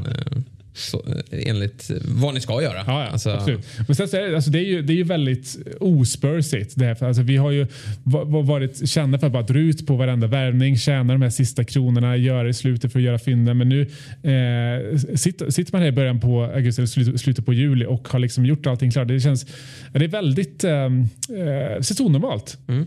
Onormalt lugnt. Ja, då går det väl åt helvete. Det var det om Spurs. Vi tar väl oss an Chelsea då. Det blir lite Mm. kortare eh, kring de klubbarna där vi inte har täckning gällande gäster.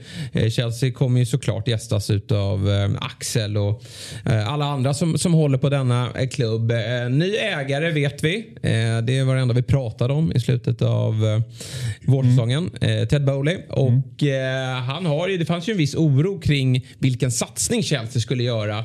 Men eh, det behöver man ju inte eh, vara orolig över som Chelsea-supporter för det har ju rustats rejält.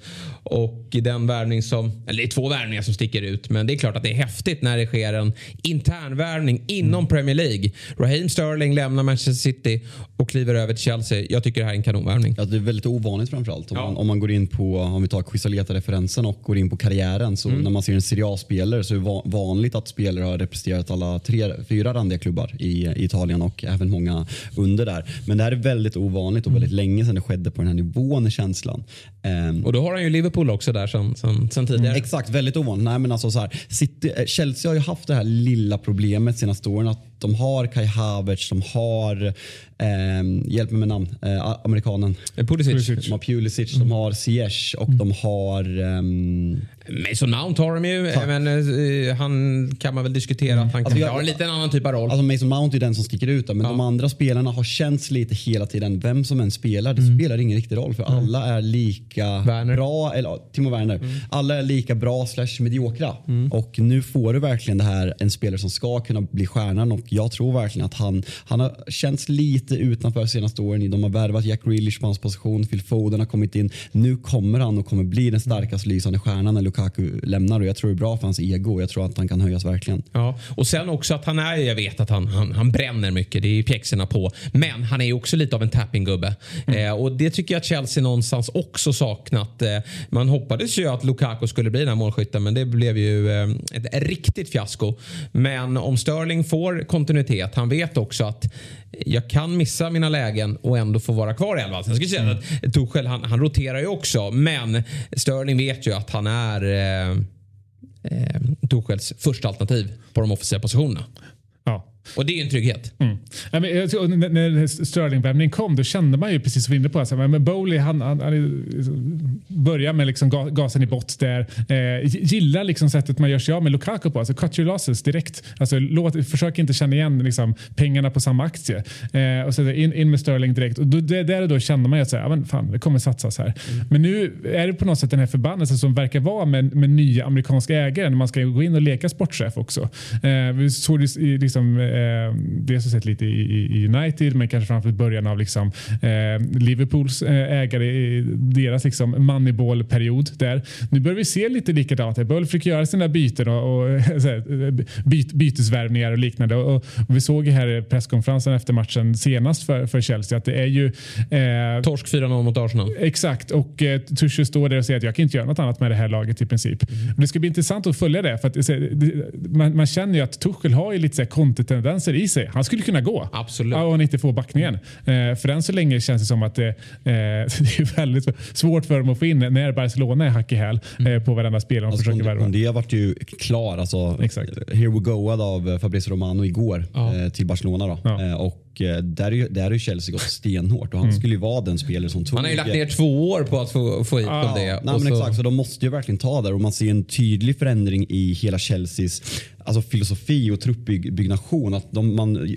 förut var det att man bara gav ettårskontrakt till spelare över 31 eller vad det var. Nu tar man in Koulibaly för Ja. en väldigt hög summa med ett väldigt kort kontrakt kvar och ger honom ett långt kontrakt som börjar komma upp till året. Man har Thiago Silva som egentligen den enda riktiga försvaren i truppen om vi bortser från de egna produkterna. Så det är ett väldigt ofärdigt lag. Och Tuchel har även experimenterat lite med en fyrback på försäsongen vilket jag är väldigt skeptisk till för det är verkligen en trupp och Tuchel känns som en, ja, men en 3-5-2.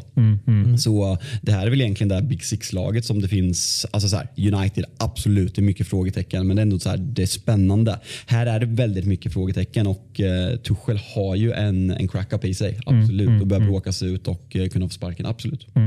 Man har ju i laget två otroligt bra wingbacks i Chilwell och, och Reece James. Men där finns ju frågetecken för, för eh, Chilwell. Han, han eh, hoppade ju visserligen in då i, i sista matchen här men, men har fått lite sparsamt med speltid och det är ju en korsbandsskada och det är möjligt att han behöver en viss startsträcka. Och, ja, den, den, det det behöver ju funka för att Torshäll nu, om han blir kvar, eh, att, att, att det ska fungera. Ja, precis. Han har inte kunnat spela ihop laget tillräckligt mycket på försäsongsturnén heller. Men Nej. Kanté fick ju inte följa med på grund av att han inte är vaccinerad. Samma med Loftus-Cheek också. Så att, eh, det är klart att Chelsea på sikt kommer under säsongen kunna kom- komma upp på sina nivåer. Men, men man, man är ju inte klara i början här av, av säsongen. Det kommer ju ta, eh, jag, tror, jag, jag, jag tror att den här backlinjen kommer dröja till sista, kanske till deadline day innan, innan man sätter Ja. den. Och, och då har du ju kanske inte en, en färdig backlinje som är ihopspelad innan VM. Nej, och rekordtidig start i år. Då har det redan Ja. Mm. hunnit gå eh, flertalet omgångar och man måste ju vara med, med från start. Eh, Koulibaly ändå in och det här är ju eh, kittlande på många sätt. Vi kan ju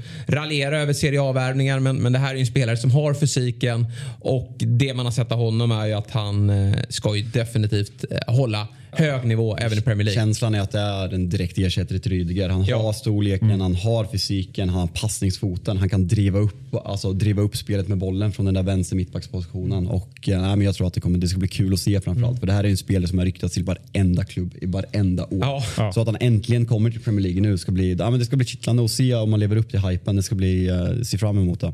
Sen, eh, de behöver ju verkligen få in en mittback till. Men de, den här Colwill som, som alla pratar om gjorde det Mm. otroligt bra i Huddersfield. Mm. Chaluba var ju stundtals bra i, år, i fjol och han kommer ju få mer speltid i år. Men, men många håller ju Colwill högre. Men det verkar ändå som att han är på väg bort Mm. för att han inte får garantierna att eh, spela i Chelsea. Men det, det, där förstår jag honom inte riktigt. För det som vi har varit inne på hela eh, programmet här idag. Att det kommer spelas väldigt mycket fotbollsmatcher. Mm. Tuchel roterar. Och um, med tanke på vilket löfte Colwill är Mm. så kommer ju han kunna visa sig vara en startman kanske redan i år. Absolut, alltså, det finns ju en möjlighet till Chelsea. Sen ska det sägas, alltså, Chelsea fick mycket cred och fansen är väldigt stolta över den här generationen som Frank Lampard kanske framförallt tog upp. Men Mm. sen Lampard fick sparken så har Chelsea inte presenterat en enda egen produkt i, i startelvan. Mm. Så, så om det ligger på att man kanske inte håller dem lika högt eller att Tuchel är väldigt re- reserverad med att ge dem chansen. Det, det vet jag faktiskt inte. Det blir intressant att se. Men det är något som gjorde Chelsea lite mer likeable när Mm. man började ta upp de där spelarna. Och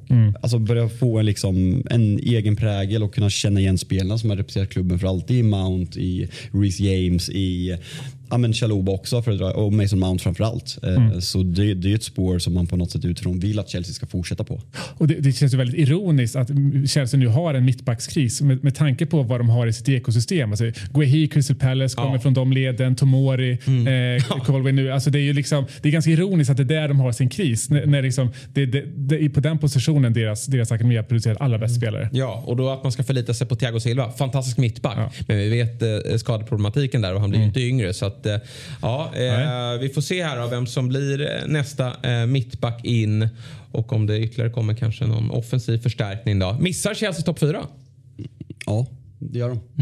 Som läget är just nu. Jag tror att man, man kommer få en tuff start. Eh, Jag tycker att många andra lag har väldigt bra schema och sett eh, Arsenal framförallt kanske och Tottenham om vi tar det här laget så håller jag som favoriter. Sen är det tight. Jag tror att topp topp trean kommer bli ganska solklar om jag får gissa. Sen är det tight mellan Chelsea United och Arsenal vilket jag tror kommer sluta där bakom. Men ska jag dra ett tidigt tips så tror jag att Chelsea missar topp fyra, ja. Vad säger du Per? Jag håller, jag håller med. Jag tror att eh, det, är väl, det är väl Arsenal som ab- absolut ser stark ut än, än, än dem. Så att det är absolut så här långt. Ja. Ja. Ja, men det är kul att eh, de utmanas. Och, Vad, vad tror eh, du? Du ska inte vara neutral. Nej, ledare verkligen inte. Nej, men jag, eh, nej, jag, jag tror faktiskt också att de kan göra det med tanke på att de inte har bitarna på plats här och att det, det drar igång snart. Eh, och jag tycker ju att det lag som vi ska prata om härnäst, det, det är möjligt att det är lite hybris. Nu håller inte jag på Arsenal, men vi märker i supporterled att det är glatt. Förra sommaren så öppnade de ju plånboken rejält men då skrattade många åt dem. eh, För att den typen av värvningar de gjorde då, i form av Ramsdale, eh, vi hade eh, White, Tomiyasu. eh, Tomiyasu. Ja. Det var ju eh, spelare som eh, kostade ganska mycket pengar men som man tyckte att det där, det där håller inte måttet. Men det visade sig de ju faktiskt att göra. Och eh, nu har man fortsatt att spendera pengar men den här gången så tycker man väl att det är klockrena värvningar när man pratar om Arsenals nyförvärv. Nej, men det är ju vad man behöver. Alltså, vi vet alla vad som hände med Aubameyang och vad, eh, hur han gick från att vara deras kapten och starkast lysande stjärna till att bråka sig bort från klubben. Och Lacazette har väl egentligen alltid varit en maximalt sluta topp fyra värvning. Mm, Alltså en spelare, han ska inte leda ett lag som ska utmana på, på högre nivå. Och att man nu får in Gabriel Jesus. Sen finns brasklappen, är det rätt väg att gå att värva reservspelare i Manchester City? Eller är det inte det? Nu tar man två spelare som inte platsar i det bästa laget i England. Är det rätt väg om man vill utmana på riktigt eller är det att nöja sig med att sluta topp fyra? Det, det tycker jag ska bli intressant att se. Men Gabriel Jesus, vad han gör i landslaget, ja, det här är precis vad Arsenal behöver. Eh, verkligen. Jag, jag, jag tror alltså, även, även om Richarlison går före Jesus i, i, i landslaget allt som ofta. Så jag, jag skulle nog ändå säga att Jesus är kanske en bättre spelare. Det är framförallt en målfarligare spelare och passar också Arsenal jättebra. Och det är väldigt bra betyg att liksom Arteta som gammal City-tränare Ja. tar två för att ett City-spelare. Väldigt bra betyg åt dem. Liksom, det säger någonting. Eh, sen så jag, jag tycker att alla värvningar de har gjort har varit klockrena. Sinchenko supersmart. Sen tycker jag att man kanske inte riktigt ännu har nått upp till miniminivån av vad de behöver ta in. För i, i, i fjol med den truppen de hade, de klarade inte ens av att, att rotera när de bara hade Premier League. Nu ska de in med Europa League där också. Så det, de är nog lite kort än så länge och det är klart det är fortfarande tid på sig här. Eh, men, men de har också på ganska viktiga positioner som Partey, eh, som Tierney, eh, som Tomiyasu. Eh, det är ganska skadebenägna spelare som inte klarade av att spela en hel säsong även när det bara var Premier League. Eh, är de här värvningarna tillräckligt för att stötta upp det här och fortsätta kunna liksom ha två matcher i veckan? Eh, jag tror att det behöver in någonting till det för att, precis som vi varit inne på, bredden i år är så himla viktig. Och med tanke på det, det januarifönstret som Arsenal hade när man rensade ut och bara liksom strömlinjeformade trupper. Jag, jag tror inte man har riktigt byggt upp ännu eh, för att kunna klara, klara av den här säsongen som kommer vara väldigt extrem. Men känns det inte lite med Arsenal, bara om så här, vi tar Arsenal som klubb de senaste, alltså framför allt post Wenger, men även Wengers kanske senaste tio år, att det kändes lite personlighetslöst om man Ja. jämför från de stora klubbarna. Det fanns inte de här riktiga ledarna som liksom sticker ut. Och när det smäller i ett derby så att de står upp för klubban. Och det känns, det kommer lite förra året med Ramsdale och Ben White kanske framför allt, men de här värvningarna känns alltså lite åt samma håll. Och där är väl lite där min oro för Arsenal är, att det fortfarande är ett, ja men Patrice Evra sa det väldigt bra när Manchester United slog Arsenal för typ åttonde raka gången att det var pojkar mot män. Och det känns väldigt ofta som att Arsenal är pojkarna i de här diskussionerna när det verkligen gäller. Och det väl min lilla oro. Sen absolut, jag köper hybrisen, jag köper att det ser bra ut men är det någon oro man ska ha för Arsenal så är det att det är lite karaktärslöst fortfarande. Men sen är det ganska skönt att spela i Europa League också för att under hösten då kan man skita lite i det. Då, alltså, Mm. Man tar sig vidare från ett gruppspel där du spelar reserverna. Och sen under våren då får man ju utvärdera lite. Var befinner vi oss i ligan? Är det, liksom, har vi häng på en fjärde plats här? Kan vi nå Champions League via ligan? Eller kanske är det som så att vi ska gasa i Europa League för att kunna Mm. vinna den och sen ta Champions League-platsen. Så att det är också tacksamt för jag tror att det kommer vara väldigt mycket fokus på ligan i- initialt. Mm. Sen får ju liksom förmodligen då Smith Rowe och Enketia spela i Europa League och det, det är bra. Och Vieira, nya, nyförvärvet här från, från Porto, han, han kommer väl få börja där kan jag tänka mig och sen beroende på kvalitet han håller matchas in i ligan. Så att eh, ja, Arsenal med om, om bra Alltså bra start. De har ett bra schema inledningsvis. Arteta har, har varit frågetecken kring Arteta men just nu är känslan att han är rätt man för dem. Han har fått eh, in de värvningarna han behöver. Lite större bredd eh, och eh, även spets. Ja, jag, jag, jag tycker att det, det, det ser bra ut. Ja, men alltså, nu, nu känns det verkligen som en Arteta-trupp. Ja. Eh, å andra sidan, det här, ja, han har haft fyra år på sig. Eh, Ja, det har fått ta tid. Är det så jävla länge alltså? Ja. ja. det, men, men ska vi se, alltså, Arsenal, Det är ju så man ska jobba egentligen Ja, som klubb. ja. Men, men visst, han har fått vara där en tid. Absolut. Sen så, man ska inte dra för stora växlar av liksom försäsongsmatcherna heller. Men kolla, to- liksom, av Big Six-lagen, även Arsenal har väl haft bästa försäsongen. Ja. Så, ändå, får man ju Och, och det där kan man ju också... um, Det finns ju olika sidor om myntet där. Vissa säger att försäsongen spelar absolut ingen roll och, och det får man väl köpa till viss del. Men för Arsenals del med nyförvärv eh, med tanke på att det är så kort försäsong och att man ska vara ready. Jag kan inte se det som negativt att man tvålar dit eh, Chelsea med 4-0. Jag, jag tror inte att man kliver ut och gör en dålig match mot Crystal Palace nästa fredag. Alltså det är alltid positivt att göra en bra försång. Sen som vi var inne på förut när vi pratade Liverpool, Liverpool som har haft Klopp så länge, alla vet Ja. exakt vad de ska göra. Då får man ta det med en nypa salt. Men Precis. det här, det är klart att det är positivt och att det ger en god feeling i laget när det ändå är ja, men lite osäkert vart Arsenal står. Inte osäkert, men att de verkligen, det här är säsongen de ska ta Champions League. Eh, eller Champions League-plats. Eh, så absolut. Och sen är det den här nyförvärvet Saliba som man värvade från eh, Etienne va? Men som var utlånad till Marseille i fjol. Eh, han eh, tror man ju i Arsenal-led ska kunna utmana Gabriel och Ben White här om mittbacksplatserna. Eh, får vi se om det är något att eh, hänga i granen eller om han är eh, lite av det gamla Arsenal. Alltså. Ja, eh, ja, men, jag- alltså, jag, där, där blir liksom, alltså, eh, breddningen av truppen alla tydlig. Alltså, att kunna spela Saliba istället för Rob Holding Ja. är ju liksom, det går inte att bli en större uppgradering så Nej, i princip. Eh, så, så där, eh, och jag, jag, tror att, jag tror att han kan utmana ännu mer. Jag tror att han kan ta en startplats. Mm. Eh, och det skulle i så fall vara White i så fall. Så Mm. att, eh, nej, sen får vi se hur långsiktigt om man bara gör en säsong och sen behöver säljas. han, han precis. verkar inte vilja spela i Arsenal i alla fall. Så att, eh, det är, Det var lite Det är ju lite, det är ju lite Ja, problematiskt. ja, men- Ingen jättebra förutsättning för att vara, vara, vara en klubb. Nej, men han har varit lite problematisk vid sidan av planen också. Har väl inte känts jättenöjd. Så nej, blir, många håller ju honom väldigt högt Ja. som har sett honom i franska ligan också. Mm. Så nej, det blir kul att se. Ny högerback tycker jag måste in. Alltså, Tomiyasu Ja. ständigt skadad. Eh, var bra, men eh, jag tycker att ser man på, på topplagens ytterbackar så även när Tomiyasu är som bäst. Jag tycker att där behöver man uppgradera. Verkligen. Och man tar in Sinchenko på en position. Dock eh, Tierney är väldigt mycket skadad. Ja. Men det är ju en av Arsenals bästa spelare när han spelar. Så Ja. Många tror att Sinchenko ska spela på ett mittfält. Alltså här, hur kommer de göra det? För nu kommer de ha ja, men två start, startande vänsterbackar som skulle gå in i de flesta andra lag. Så det tycker jag blir intressant att följa. Ja. Ja. Men lite, lite förvånad att de inte var inne med på Jed Spence till exempel. Just med att de behöver förstärka Ja. på, på högerbackspositionen. Exakt, men där var ni istället. Det var vi. Mm. Det var vi. Arsenal, fjärde plats. Ja. Ja. Till och med Tottenham-supporten håller med om det. Nu tar vi oss till Manchester United. Är det sista laget ut? Nej, vi har faktiskt ett annat lag som heter Manchester City också som är helt okej. Men vi får ju lägga lite tid och energi på Manchester United. eh, Som lovade att det skulle väl komma in lite drygt eh, tio nyförvärv va? Ja, något sånt. Något sånt vet Både- jag både cirkulerade på sociala medier. Ragniks har ju 10 och uh, Ten Hag sa väl att det krävs minst fem. Och här står vi med eh, tre. Ja. Eh, så uh, det är en start. Ja, men jag säger också Martial är ett nyförvärv, Rashford är ett nyförvärv.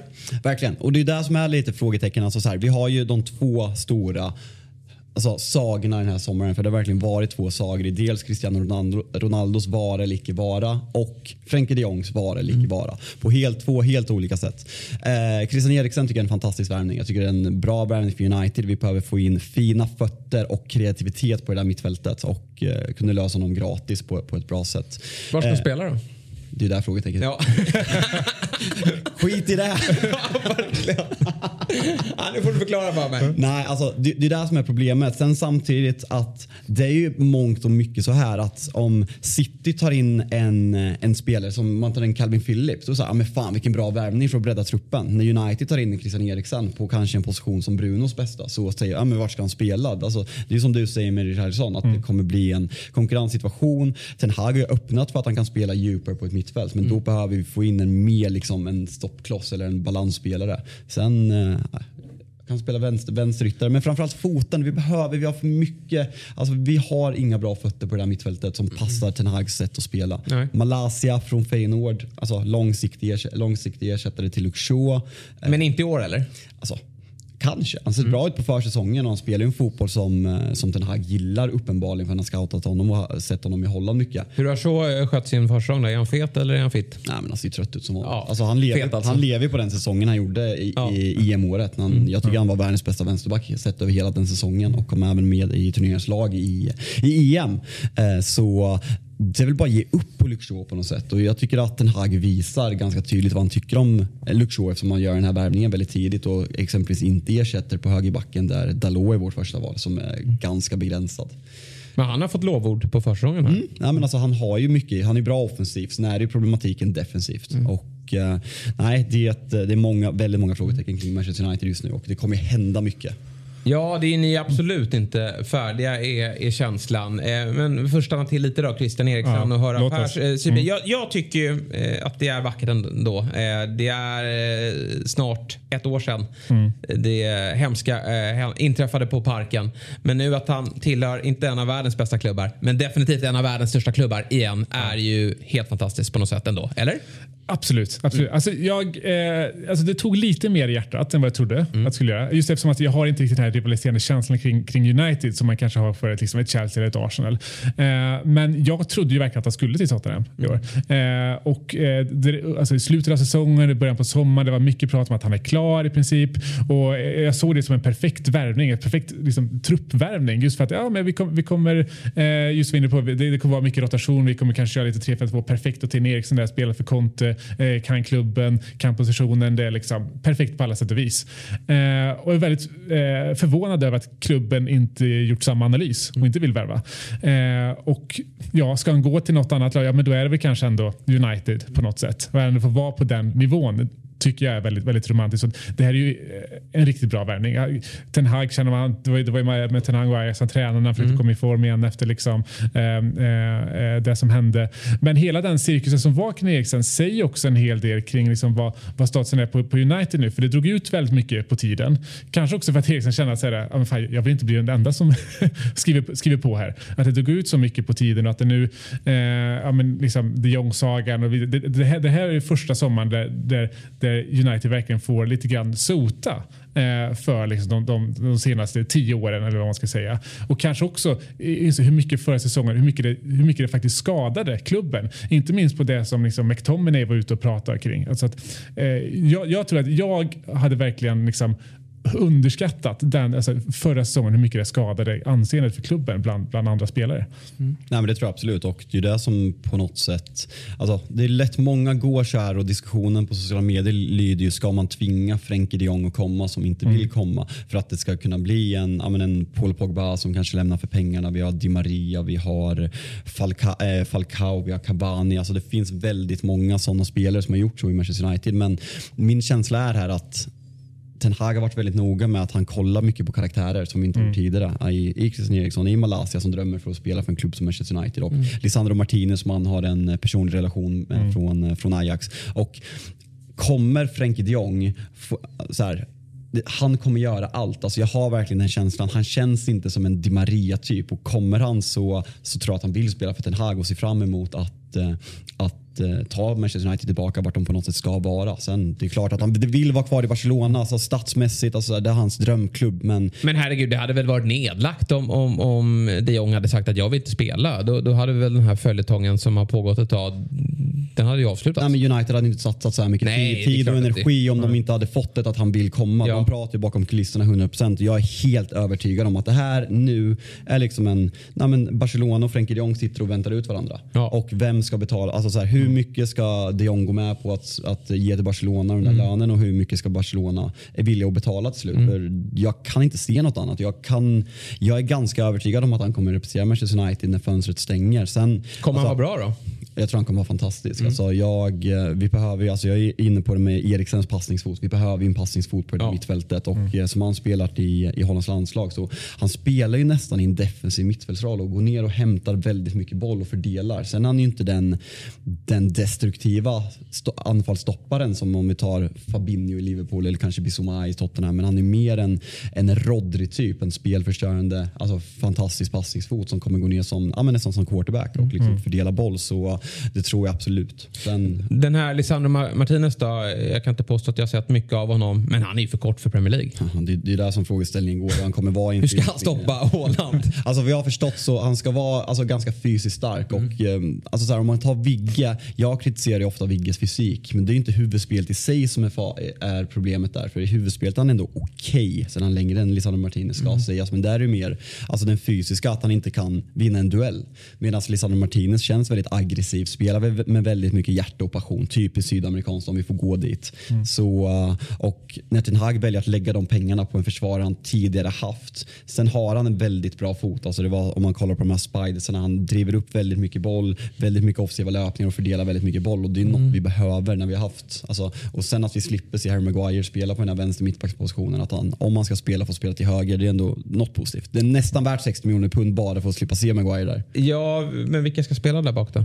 Alltså jag håller absolut varann som första val tillsammans mm. med Lisandro Martinez. Sen vet vi med hans skadehistoria. Men Maguire är ju kapten. Ja, ja, vi får se. Alltså ja. så här, det vart väldigt mycket rubriker när, när det där sades. Och mm. Det är väl kanske för att det inte finns någon utkristalliserad alternativ. Mm. Så jag tror inte att Ten Hag har problem att peta Maguire mm. om, bara för att han är kapten på mm. pappret. Eh, det tror jag verkligen inte. Sen tror jag att han kommer starta Mets matcher förutom mm. Lisandro Martinez. Det tror jag. Men jag, jag håller varann som eh, ska starta. Ja. Är hela den här sagan med Maguire till Barcelona den mest påklistrade PR-kampanjen någonsin för att rädda en spelares anseende. kan mycket möjligt vara så. Det är bra agentjobb dock. Ja. Ja, det får man verkligen säga. Han har ju- Barcelona tackar nej. Nej, Maguire tackar nej. tackar. Han har såklart ingenting där att göra. Ni har gjort en bra försäsong och det som sticker ut är som sagt att Ten Hag har jobbat med en och samma elva och då ser man i fronttrion att den heter Sancho, Martial och Rashford. Cristiano Ronaldo, ska han in där eller vad händer? Alltså på något sätt. Jag tror att Ronaldo kommer bli kvar, bli kvar för att det inte finns några alternativ för honom. Jag På tal om en spelare som inte vill spela för klubben. Då. Ja, exakt. Men han är så professionell. Det är han ju uppenbarligen inte för han har skött sig väldigt oprofessionellt. Men vi är alltså så här supportrar, reptilhjärnor. Alltså Ja. så här, vi, gör han hattrick och avgör en match så kommer det på något sätt vara glömt för många. Många kommer såklart inte glömma det med all problematik som Cristiano Ronaldo har gjort tidigare i sitt liv.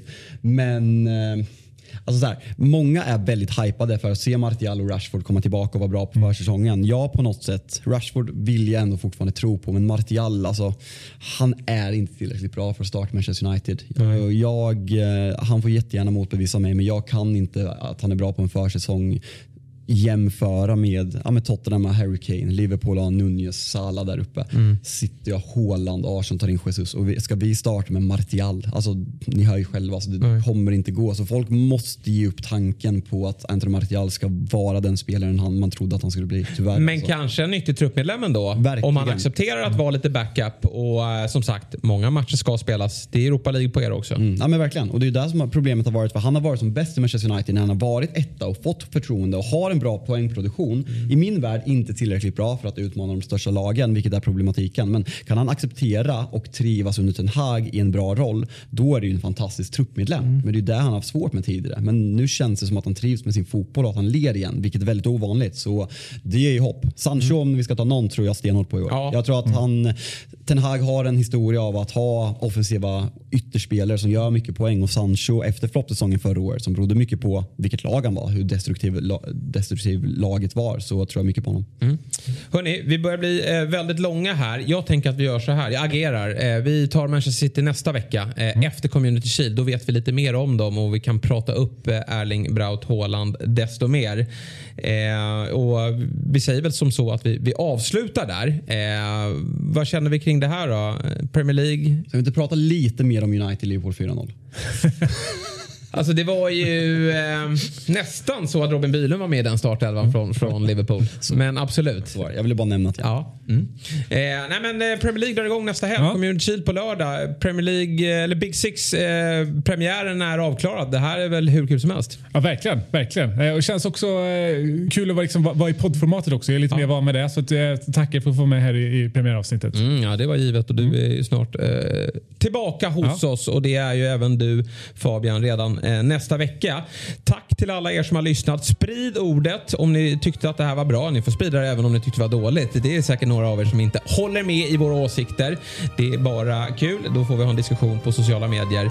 Vi säger så för idag så ses vi om en vecka igen.